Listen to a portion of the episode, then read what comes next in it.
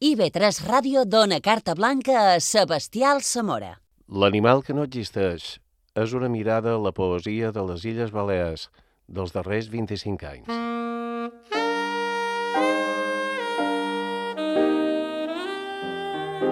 L'animal que no existeix, capítol 3.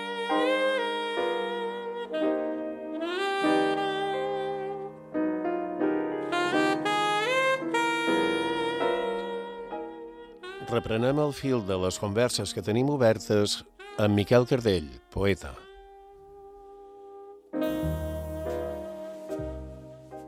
Tot i que ja ara mateix te diria que a Mallorca hi ha una sèrie de poetes, jo crec que de diferents edats, no els conec molt, jo ja estic un poquet... Ja no sé que jo vaig seguir un temps d'actualitat molt, molt militarment, molt, Sí, sí. molt professionalment, i arriba un moment que me'n vaig temer que fins i tot vaig escriure durant 10 o 12 anys sobre els llibres que s'anaven publicant i, i totes aquestes coses. Va arribar un moment que vaig descobrir que tanta, tanta lectura professional s'estava convertint, la meva relació amb la poesia estava convertint en una relació més matrimonial que passional i que això duia mal rumba. I llavors vaig decidir que era hora de començar a desconnectar. Desconnectar. Però, mm, per exemple, gent que podrien ser un punt figalians, però que són un punt bolsanians, n'hi ha una sèrie mm, que jo crec que els hauran d'acabar fent cas, eh, que no han publicat molt. Hi ha aquest, aquest Monà, que és un falanitxer, que, que, Jaume empresari sí, senyor. Jaume Monà, que, que publica coses, i que té aquest punt de, de poeta racional i racionalista, per dir-ho de qualque manera, que és un germànic. punt fiolià, quasi, però també és un punt bolsanià. Sí, sí. Perquè Bolsar un gran, en Bolsar un gran antiromàntic. Un dels seus mèrits que li haurien de reconèixer és el desfloralitzat, eh, septacila, però septacila que dèiem aquí contàvem en castellà, que, verb que la, li va com recuperar aquella severitat medieval o, o, o glosadora. No, que eh, va- eh, Són fumigadors, en Bausà i en Fiol. En Sí, Bausà sí, sí. fumiga romanticisme I en Fiol i- fumiga i- ceticisme i eh, el nou, esteticisme. el. I, I és una meravella perquè no queda, no, queda cap bitxo d'aquests per allà. Queda Sí, sí, tot, sí, sí, sí, sí. tot molt net. No, eh, aquest, ara mateix ho dic perquè ara, de, ara mm, després d'un parell de mesos que mm, he hagut de fer una sèrie, he, hagut, he fet ben de gust, però he fet una sèrie de coses relacionades amb els 25 anys d'en d'en Damià Huguet i en la publicació de l'antologia, m'han demanat fer dues presentacions i... Mhm. Clar, a mi m'honora molt que facin de mi anòleg, no sé per què m'hi fan, perquè no me considero especialment qualificat, però mira, me, eh, jo sempre que me diguin vine a xerrar de mi, ai, aniré, i si jo faig ridícul serà culpa meva, no serà culpa seva.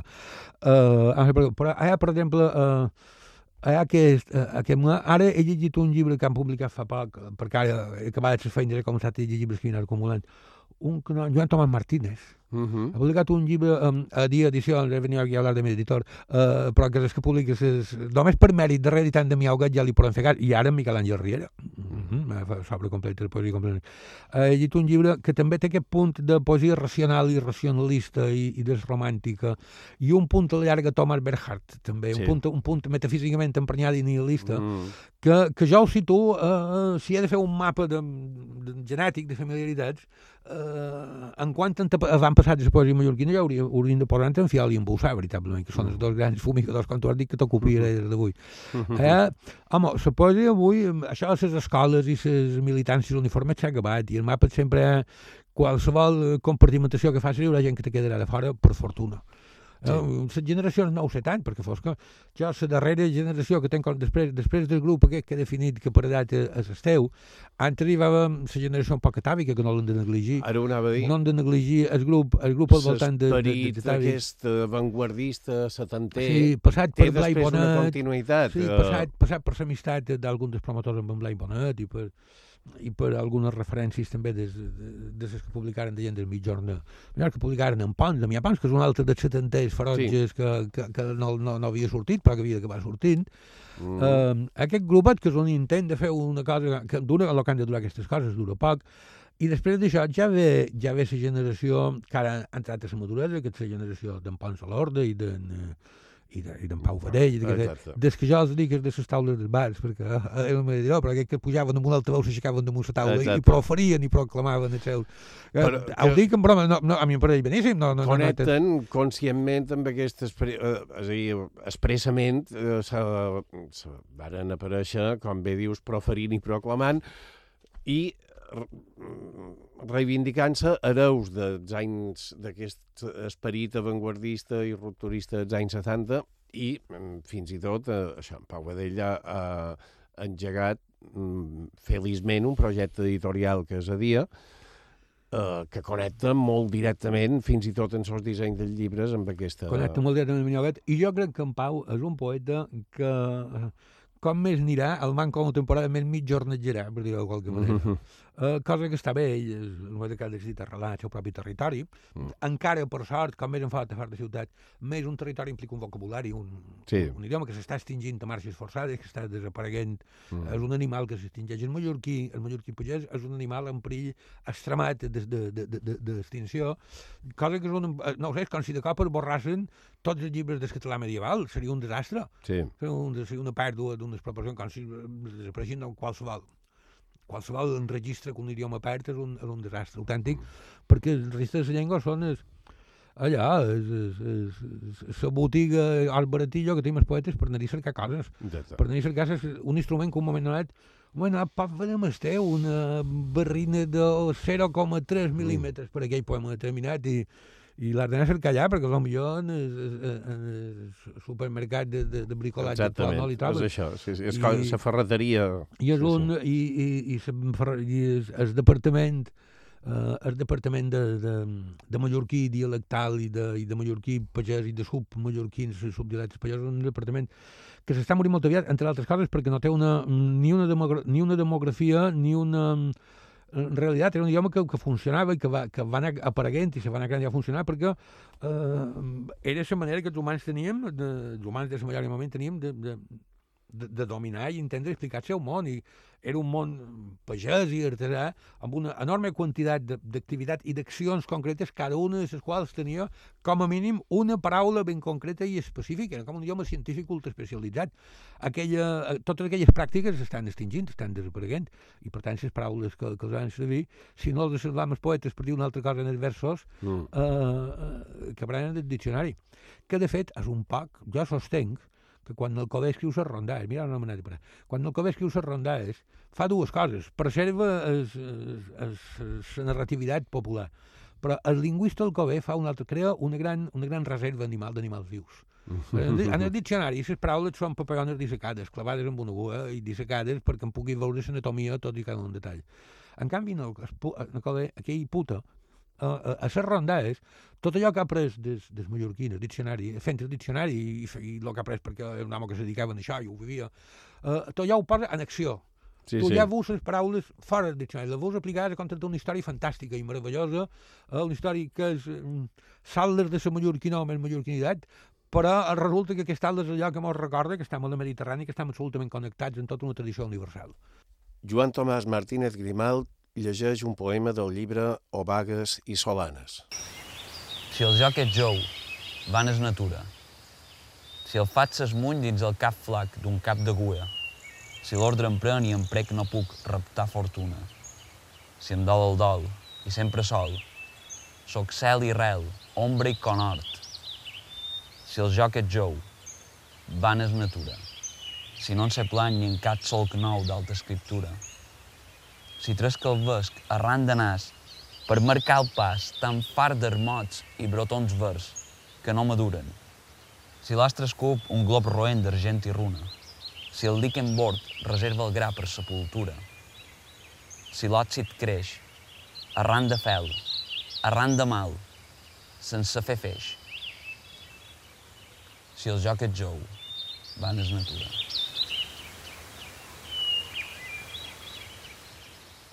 Això era un gegant que cap llevava d'haver l'ermita i la cabana. Francesc de Borja Moll llegeix El gegant de l'ermita, de les rondades mallorquines de mossèn Alcover.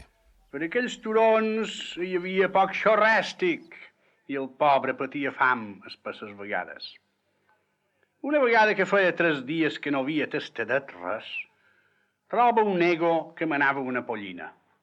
Mira, fa tres dies que he de girar ses barres en el vent.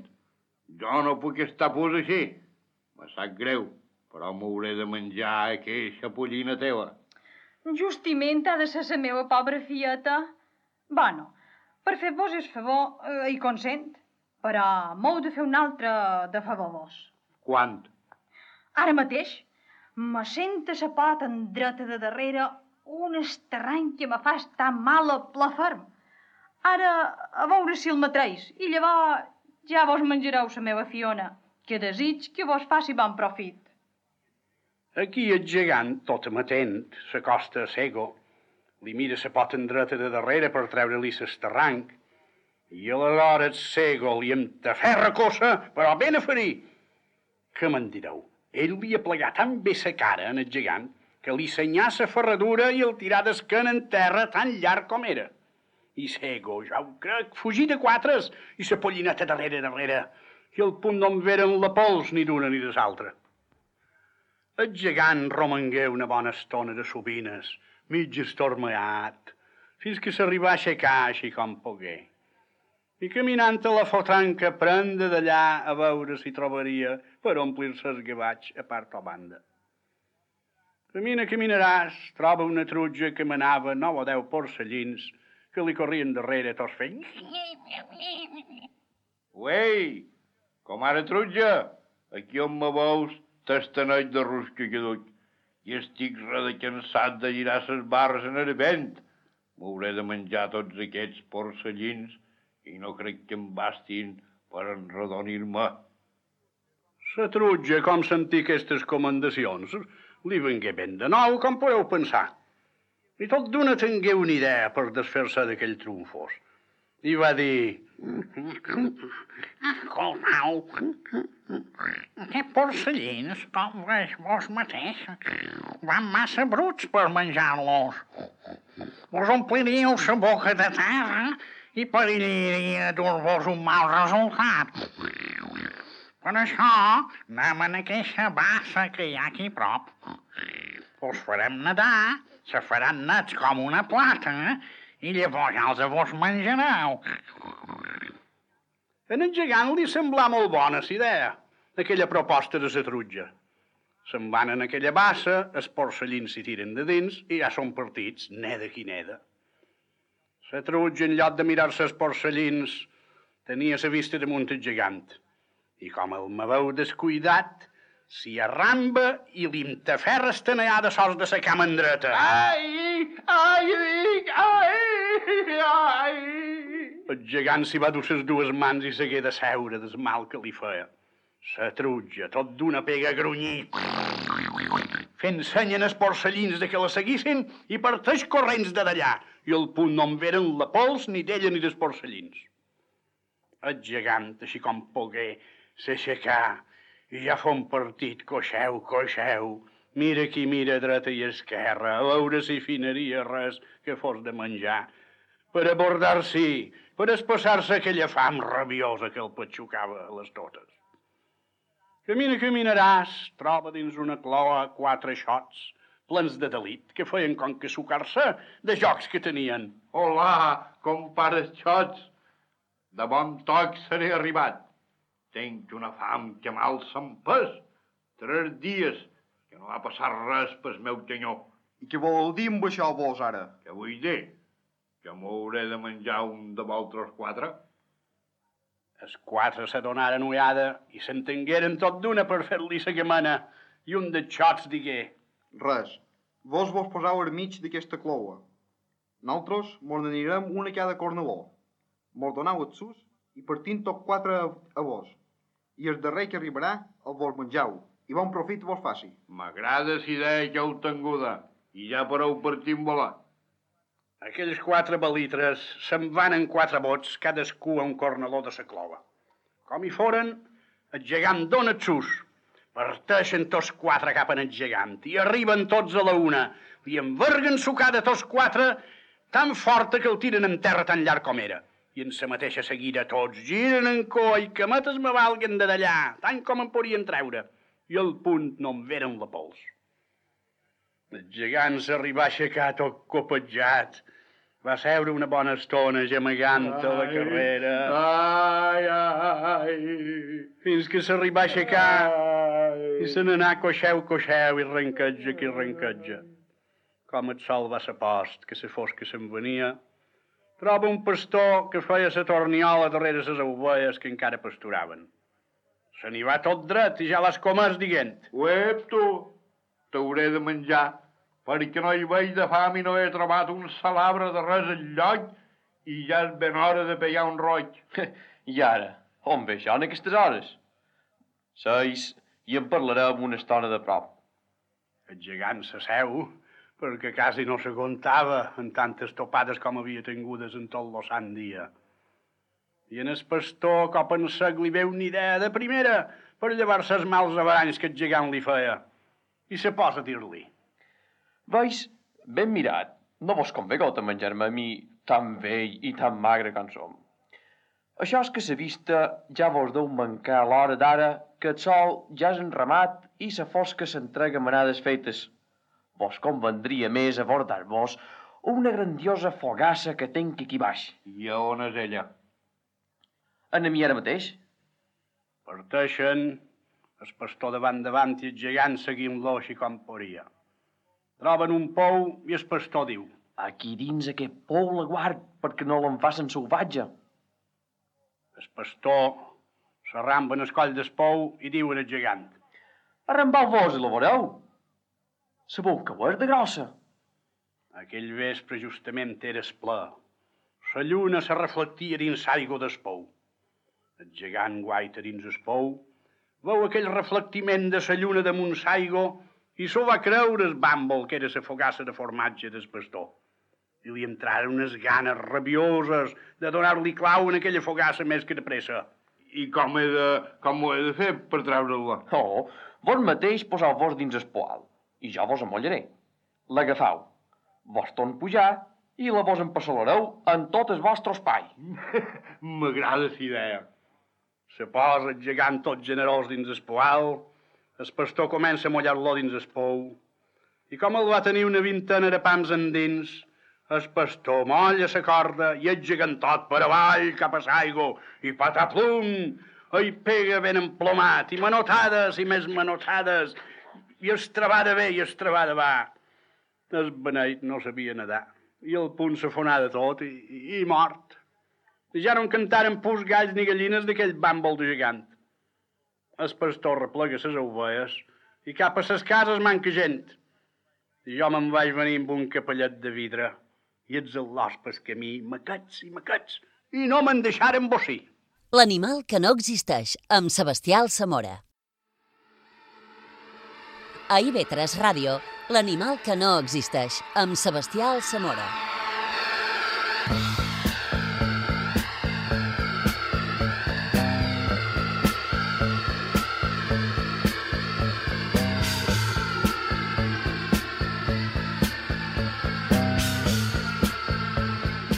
Lucia Pietrelli, poeta. Eh, Ara que, que esmentaves en Antoni Artigas, que el tinc també aquí a, en els apunts, eh, hi ha un fet que, evidentment, quan parlant de cultura i literatura catalanes, eh, bé, en totes les cultures i literatures, però és el fet polític, eh, que va, en fi, en paral·lel o, o, o, o afegit o lligat eh, en el fet eh, cultural, eh, i que en aquests anys ha tingut en fi, una, una manifestació especialment eh, destacada, que ha estat això que n'han dit el procés. No, eh, no sé tu com ho has viscut, eh, que, quin, i quin, quin impacte eh, positiu o negatiu creus que pot haver tingut eh, en termes culturals i literaris, per dir-ho així. Jo crec que, clar, jo crec que en aquestes coses encara segueixo tenint una mirada bastant des de fora, no? Mm. Que em sento com implicada i no implicada a, al mateix temps. Jo crec que una dels, uh, de les possibilitats dels errors no? als que podria dur tot això és que a vegades llavors la cultura o la llengua s'acaba polititzant massa, no? A mi, per exemple, em passa, no? com, com estrangera que, que, que escriu en català, aquesta voluntat a vegades des de fora de polititzar aquest fet quan jo escric en català perquè visc aquí, perquè és una llengua que m'agrada molt, perquè m'apareix un respecte, vull dir, si visc en aquesta realitat, xerro la llengua eh, d'aquesta realitat, però mm, a vegades com que m'insisteixen des de fora, com volen carregar d'un no, matís massa polític, això, quan en realitat per a mi és sobretot una cosa espontània. Llavors jo crec que també dins del procés eh, la, la cultura i el que és la llengua també, a vegades, eh, clar, està clar que s'han sempre no, de, de defensar, però s'ha d'anar molt alerta a carregar de tanta política, no, tant sentit polític, sí. un acte que, que molt més gran, que és molt més ample i té molt de matisos, el polític també, no m'hi faltaria, però, però que no estem xerrant, no? no només d'això. I, I a mi em passa molt, suposo que no, per, per això, perquè és una llengua que no és la meva i que, i que l'he triada, però, però perquè és una cosa natural, perquè vivint en un lloc on de parla catalana, és que quina llengua hauria de xerrar, saps? Sí.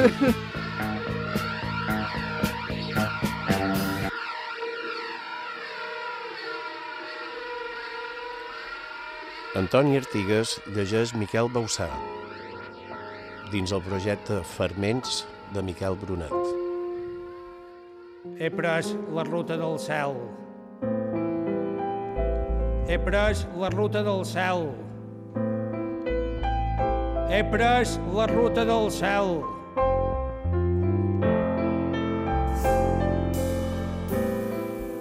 En quatre estris, dues màquines i les ales als talons.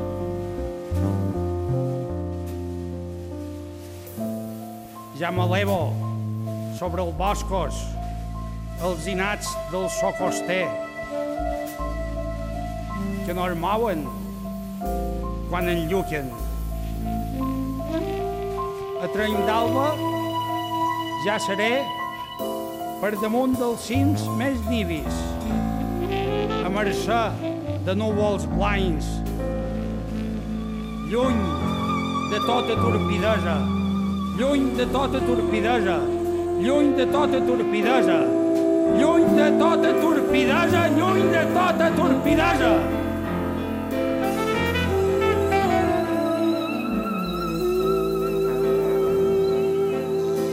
He pres la ruta del cel. He pres la ruta del cel. He pres la ruta del cel.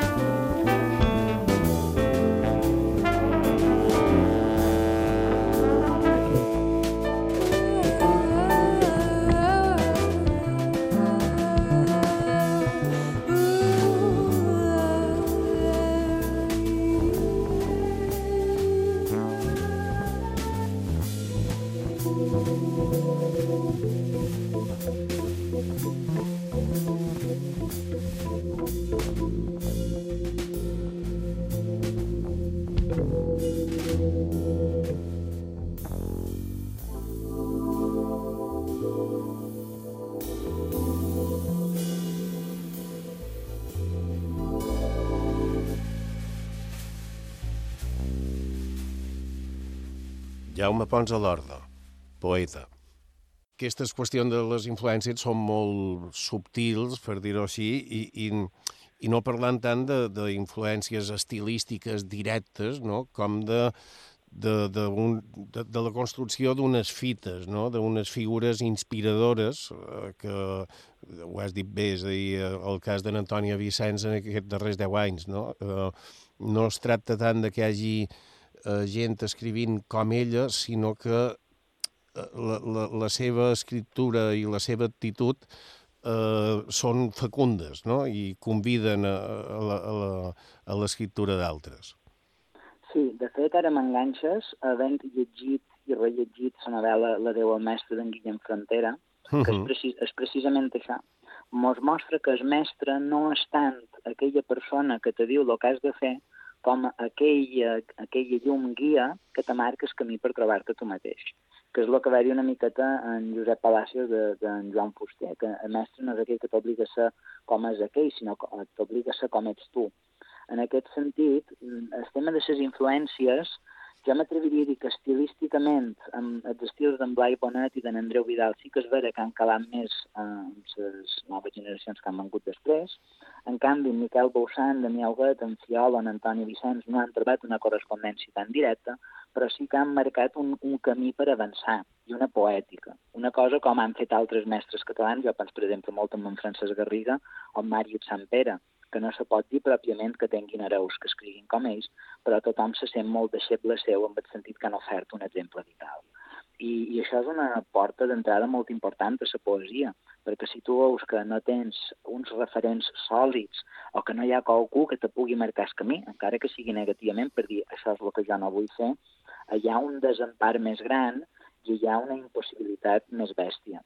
Per tant, és una gran sort poder comptar amb, amb tots aquests noms il·lustres d'una amb grans obres importants i el que, és, el que és fonamental és que nosaltres siguem dignes d'aquesta tradició i que siguem unes baules que projectem tot això cap en el futur. Per això a mi m'agrada molt parlar de llibres d'altres, defensar d'altres llibres, fer servir les xarxes, els articles, tots els meus estudis, per intentar defensar les obres que a mi m'han aportat qualque cosa. Perquè jo crec que fent això no només els dones una gratitud en aquells que t'han ajudat a tu, sinó també un, un panorama per les generacions que venguin després. Clar, quan, per exemple, hi ha una reivindicació d'una sèrie de persones que volen que se publiqui, per exemple, l'obra poètica completa qualcú, és el que està passant ara mateix en Andreu Vidal, perquè tot i que el 2008 se va publicar la seva poesia completa i altres escrits, edicions del Salobra, és un volum esgotadíssim que no se troba des de fa molt de temps, i ara hi ha un moviment de gent que demana la reedició d'aquesta obra, i això fa que hi hagi com un interès viu. Almenys hi ha un objectiu molt, molt clar que marca unes fites a continuar, o sigui, parlant amb editorials, parlant amb les persones encarregades, en aquest cas na Margalida Pons, na Karen Muller i les persones que són hereves del llegat de Andreu Vidal, i, i hi ha com una espècie de, de motor en marxa. És un work in progress i la gent està a l'expectativa d'això. En canvi, casos com els de Miquel Àngel Riera o en Bartomeu Fiol, o fins i tot un cas més conegut, que és en Baltasar Porcel, com que no hi ha res que s'hagi de publicar perquè les seves poesies completes, les seves obres completes, les seves novel·les completes s'han publicat, en el cas de Miquel Àngel Riera també, edicions del Salobra, sembla com si aquesta feina ja estigués feta. I en canvi aquí és on hauria de començar la feina. Jo Exacte. crec que li, en, en Blai Bonel li passa una cosa molt semblant, perquè en el mateix moment en què han sortit la seva poesia completa, 1984, i les seves novel·les van sortint de Club Editor, sembla com si la tasca estigués feta. I jo crec que aquí és on cadascú s'ha de fer el seu Blai, cadascú s'ha de fer el seu Miquel Àngel Riera. Quan les coses es posen així, tu ja em coneixes i saps que et posaré la mà a la galta com qui toca la baula de viure llarg i et diré que t'estim.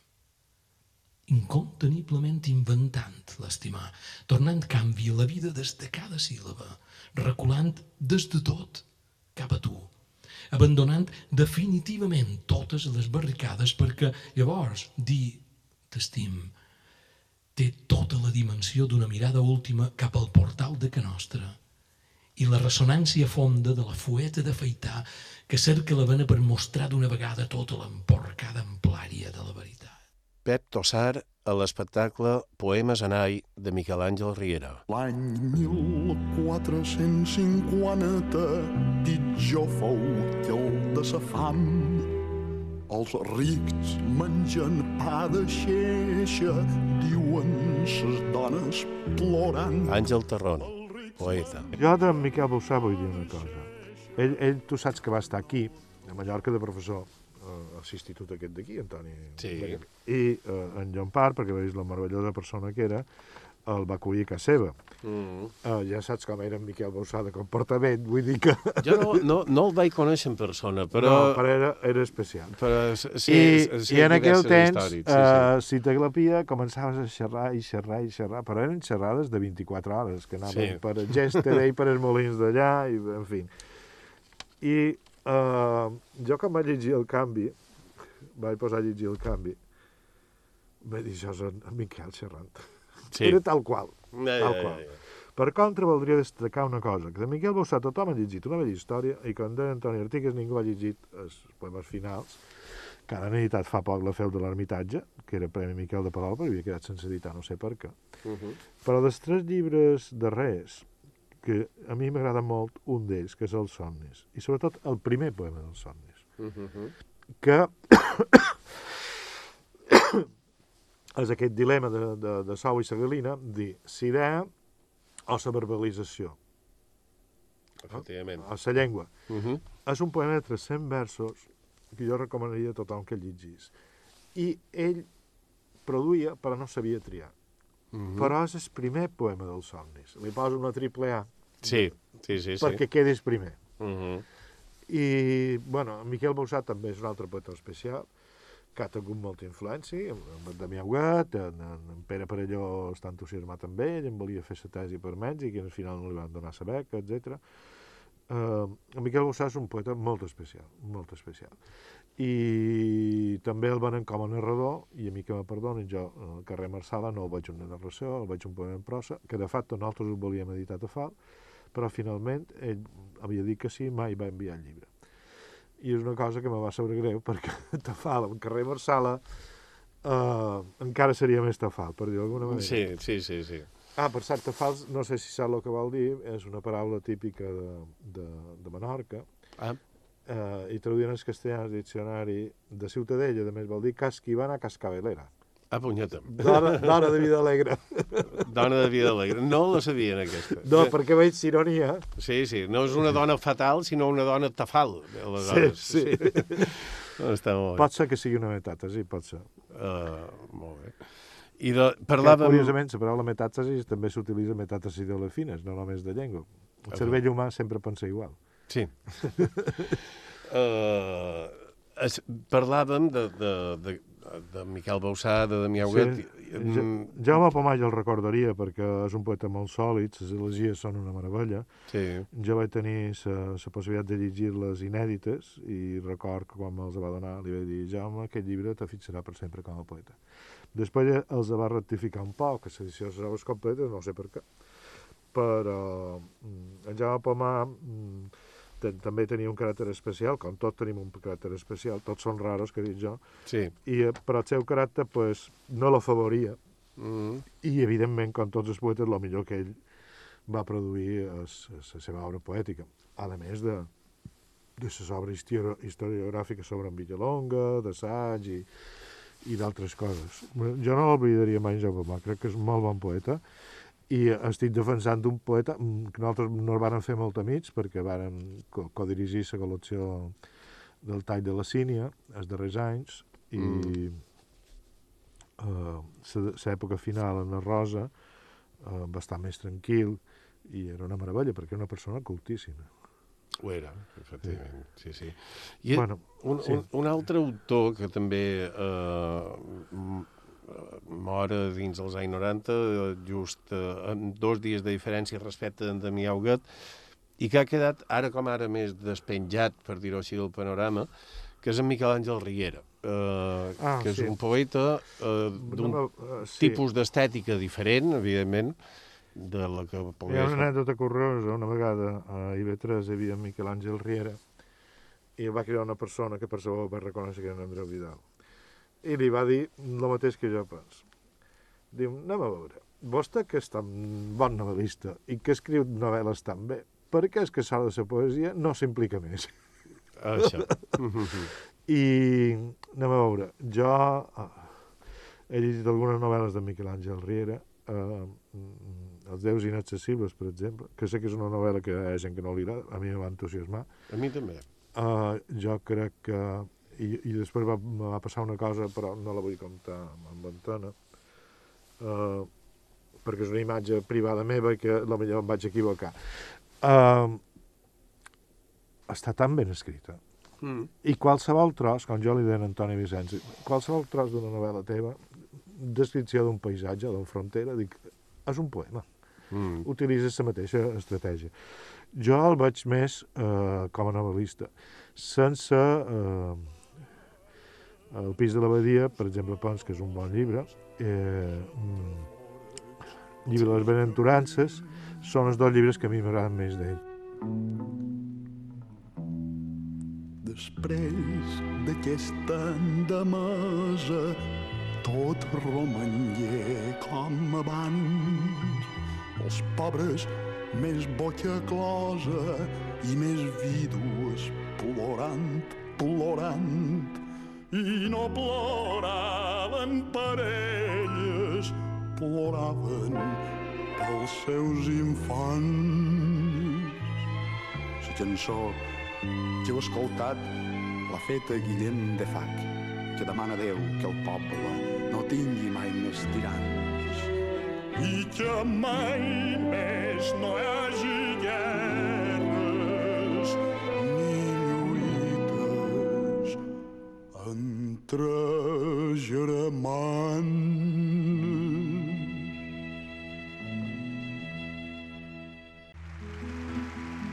A IB3 Ràdio, l'animal que no existeix, amb Sebastià Alsamora. Veles e vents han mos desig Faen camins dubtosos per la mar. Margalida Pons, poeta i coordinadora del grup de recerca Literatura Contemporània, Estudis Teòrics i Comparatius de la UIB. La relació que té Damià Huguet amb la visualitat també és essencial, no? sobretot en llibres com Ofici de Sords Sí. i sobretot en totes aquelles parts de la seva obra que fan al·lusió al cinema, com a tema, com a referència o com a, o com a acompanyament. I després hi ha una altra part molt interessant de l'escriptura de Damià Huguet, que és el paisatgisme, i crec que tu en parles al pròleg a la seva poesia completa. Ja en el seu cas parlaria més que de ruralisme, d'un nou ruralisme, que si avui en Damià Huguet fos viu, podria entrar un poc en diàleg amb allò que fan Irene Solà, Jaume Coll Mariner, fins i tot algunes de les darreres obres de Julià Guillamont, com Les Cuques, etc. no? Eh, aquest sentiment, Marta Rojals també, en part, en alguna de les seves novel·les, no? aquesta visió mm, no idíl·lica del, de l'entorn, no? que més que com a paisatge es presenta com a lloc viscut i no necessàriament com a paradís de la infantesa ni com a ideal, no? He pensat també en Miquel Cardell i aquest llibre recent que ha fet, Els ponts de l'autopista, que va per aquí també. No? Mhm. I, uh, és, és aquest paisatge ja efectivament no idealitzat, sinó eh, viscut i, i on s'hi acudeix a comprovar-hi eh, el, el, els estralls causats per la, per la societat, per dir així, per la nostra pròpia presència i, i concurrència uh -huh. en aquest espai. També podríem sumar Francesc Serés, Sí. que mm, en, en, en llibres com La pell de la frontera mm, allò que fa és hibriditzar aquest paisatge, diguéssim, aquesta ruralia, perquè la carrega de conflicte, no? La carrega d'humans i d'humans en conflicte per la seva situació de vulnerabilitat o, o pel que sigui, no? És, és interessant i per, i per això i penso que a- aquesta és també una de, de, de les vies importants o fèrtils que obre Damià Huguet. Amor de vos jo en sent més que no en sé, de que la part pitjor me'n romandrà, e de vos sap lo qui sens vos està. A joc de daus vos acompararé, a joc de daus vos acompararé.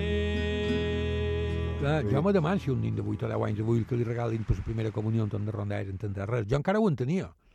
Encara Jo ho entenia perquè que- en el mallorquí, en el mallorquí la meva infància, clar, jo vaig néixer l'any 58, però el bon turista encara no existia, i pareixia, mm, i quan estava passant pareixia que no passava res, i encara hi havia hi havia una part del poble que eren pagesos, i encara s'hi xerrava un mallorquí mm, que sí, llavors en bossón i tal, però l'estructura bàsica i el solatge bàsic Sí. de la llengua era al revés d'avui, que totes les paraules que sents a dir certs usos públics de la llengua, probablement totes les paraules siguin diccionari, però no n'hi ha cap ni una que surti així com se tocaria usar de bon de veure. En el Covell remataria tot aquest correctíssim. Jo, jo som del 72 i el primer que vaig llegir en català eh, per, per, per, o sigui, com a lectura així perquè, un, perquè volia, varen ser les rondades que me les compraven mon pare i ma mare quan jo tenia 6, 7, 8 anys. I no només les entenia, sinó que me divertien molt.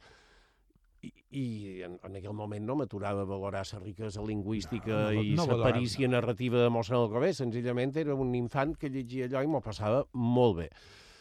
Uh, la pregunta que fas, sí, no sé si un al·lot nascut el 2012 uh, té la mateixa percepció. De totes maneres, per tornar a la poesia, eh, no som els únics que hem tingut. A Mallorca, que, una, que per exemple, en Fiol jo crec que és un punt dialectal, eh, mm, tot això que algú que ha dit fins i tot en Blai, no, no, no de full gens utilitzar dialecte. No, No, no. no. tu em fa la seva pàtria Sí, de, de, de, em de fa bandera. Però, em fa, però em fa bandera, però no m'hi ha està llegint entusiasmar molt bé, i això se nota és quan, quan tu, saps, tu ho saps perfectament, perquè entre altres motius, perquè potser quan entres a l'essència d'aquest dialecte pagès mallorquí, el que ella se parla de campanera, eh, trobes que s'hi sembla molt, que té la consanguinitat amb Nausies Marc, i fins i tot en cert, amb aquell català provençalat, eh, a, Sí. a trovadorat dels medievals, hi ha una consanguinitat molt profunda. Mm. Hi ha una Sí, sí, una sonoritat molt que profunda, s'acosta molt. I una... Sí, són de la família, co- costa molt poc. mm, Sí, no reconèixer-los i, i entunyir-los. Però, per exemple, per la part de, de, de, de, de, de, de, del delta de l'Ebre, per dir-ho així, també hi ha, també he detectat, hi ha una sèrie de, de poetes que reivindiquen esló i que reivindiquen eh, mm. eh, el dialecte fosc. Ho dic perquè ara llegia un, un eh, delta branca mallorquinat, que, és en, eh, que, que fa molt d'any, que és en Ricard Martínez Martínez Pinyol. Pinyol, sí. Uh, però n'hi ha d'altres, en Roig, va tenir, Albert Roig va tenir, Albert és a dir, Roig. no som els únics dins la poesia catalana, i segur que si ho anaves a cercar detalladament en trobaries més, que han descobert que val, que sí, que està en art i que naturalment, i que una llengua única, però que la llengua única s'enriqueix quan va en els, eh, en els fonaments, perquè els fonaments, sense, els- sense els fonaments no hi ha diccionaris, sense els diccionaris hi pot haver, allò des, des trobador, eh, des, des, des, des glosador Llum de, de Mestre Lleó, eh, que Ah, sí. en el món va ser el primer enteniment que la lletra. Sí. Eh, eh, eh, és, és, és a dir, sense, sense una base viva d'idioma, sense una base viva de- d'idioma operativament relacionat amb les realitats quotidianes de la gent que la xerra, els idiomes afableixen, no, no tenen rels. Daddy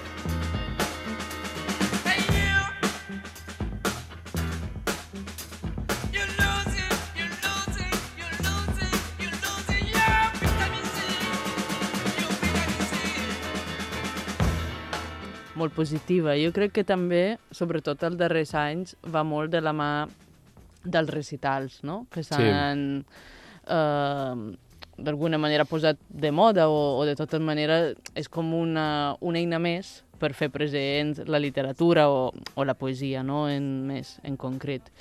Que jo recordo que era com una, una, una cara de la moneda que no m'acabava de convèncer, perquè pensava, bé, vull dir, jo, jo vull escriure, però perquè també he de saber recitar, no? Sí, clar.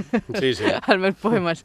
Però, però és vera que amb el temps també després entens que és una manera més no, per arribar al lector i per fer entendre també eh, a través de la teva veu com el sents, no? Eh, aquell poema o no? aquell fragment que tu pots llegir en veu alta. Jo crec que això de recitals eh, ha ajudat molt, també, a, a tenir més viva la flama, d'alguna manera, Sí. de, de la poesia i també a fer que els joves s'apuntessin també, no? A fer que la, de generació en generació hi hagués sempre gent al darrere. Jo crec que per una banda, sobretot a Barcelona, quan, quan hi vivíem allà amb l'original, Sí. fa 10 anys, hi havia no, molt de moviment. Eh, Molt. segurament que, que això vol dir, vol dir molt. Però, però després també eh, trobo que és molt positiu i no tan positiu alhora després també que hi hagi tant de, de fervor, perquè jo crec que després també fa mal destriar. Sí, exacte. A vegades, jo igual això també ho dic com a llibretera, no? Sí. Però és vera que hi ha moments que, que arriben tant de llibres i que, que està molt bé publicar, que, Que no hi em- em- caben, que, que sí, tots dos sí. aquí som dos escriptors, no? que estem xerrant i dius, nosaltres som els primers, però no sé, Sí, eh, que, que arriba un moment en què pintura hi hauria d'haver un filtre més, no? que una qüestió és mm, muntar recitals, reivindicar figures i després no? el moment de fer un llibre jo crec que ja és una altra cosa i no vull dir que s'hagi perdut respecte cap al llibre, tampoc no, no vull dir això, però sí que a vegades me pareix com que de manera massa ràpida se passa de- d'una lectura pública a fer un llibre no? eh, Sí. d'aquells poemes.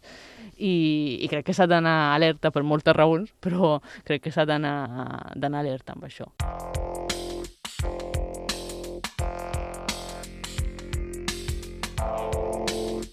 Jo, Miquel Àngel Riera, el veig com un gran novel·lista.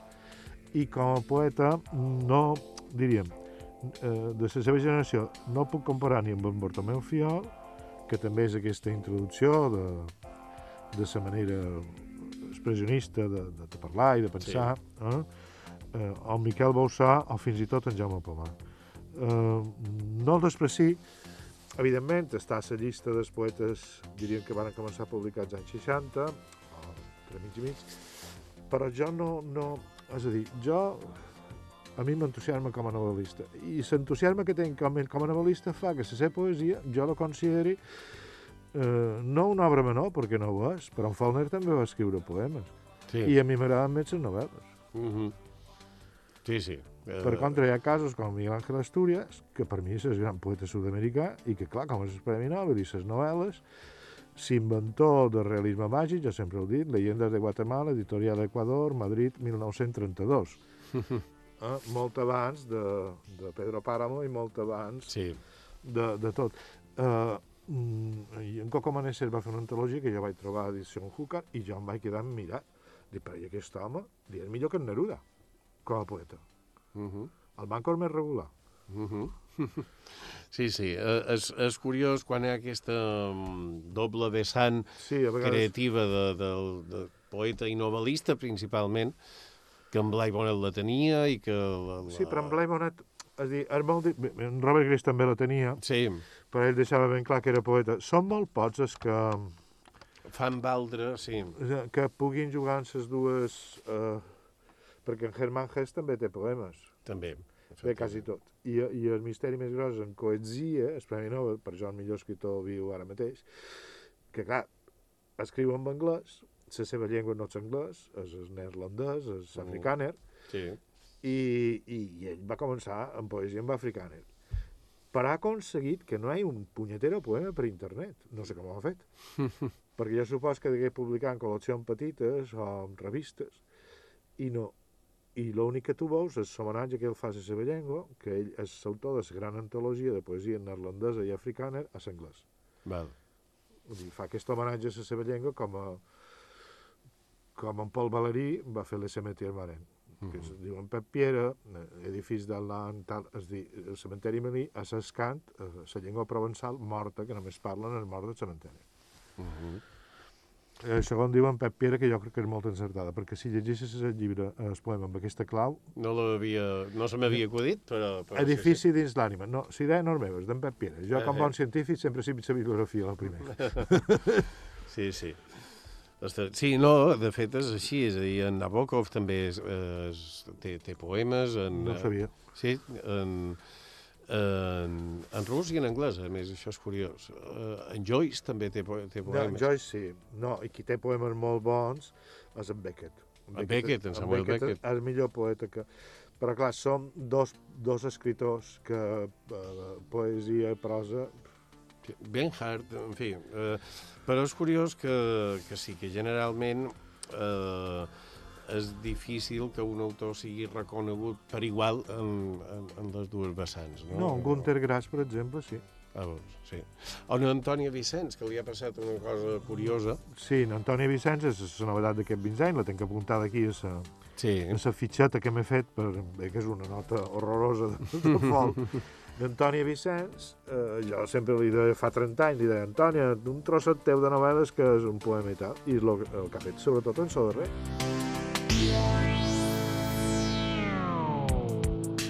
Salvador Espriu recita El Príce dels Poetes, 25 d'abril de 1970. 25 de la pell de brau. Direm la veritat, sense repòs, per l'honor de servir sota els peus de tots. Detestem els grans ventres, els grans mots, la indecent parenceria de l'or, les cartes maldonades de la sort, el fum espès d'encens, el poderós. Ara vil el poble de senyors, s'ajup en el seu avi com un cos, lladre de lluny, de prop admet bastó, enllà del fang segueix camins de mort. Amb la cançó vestim en la foscor altes parets de somni a recer d'aquest tort. Ve per la nit remor de moltes fonts. Anem tancant les portes a la por.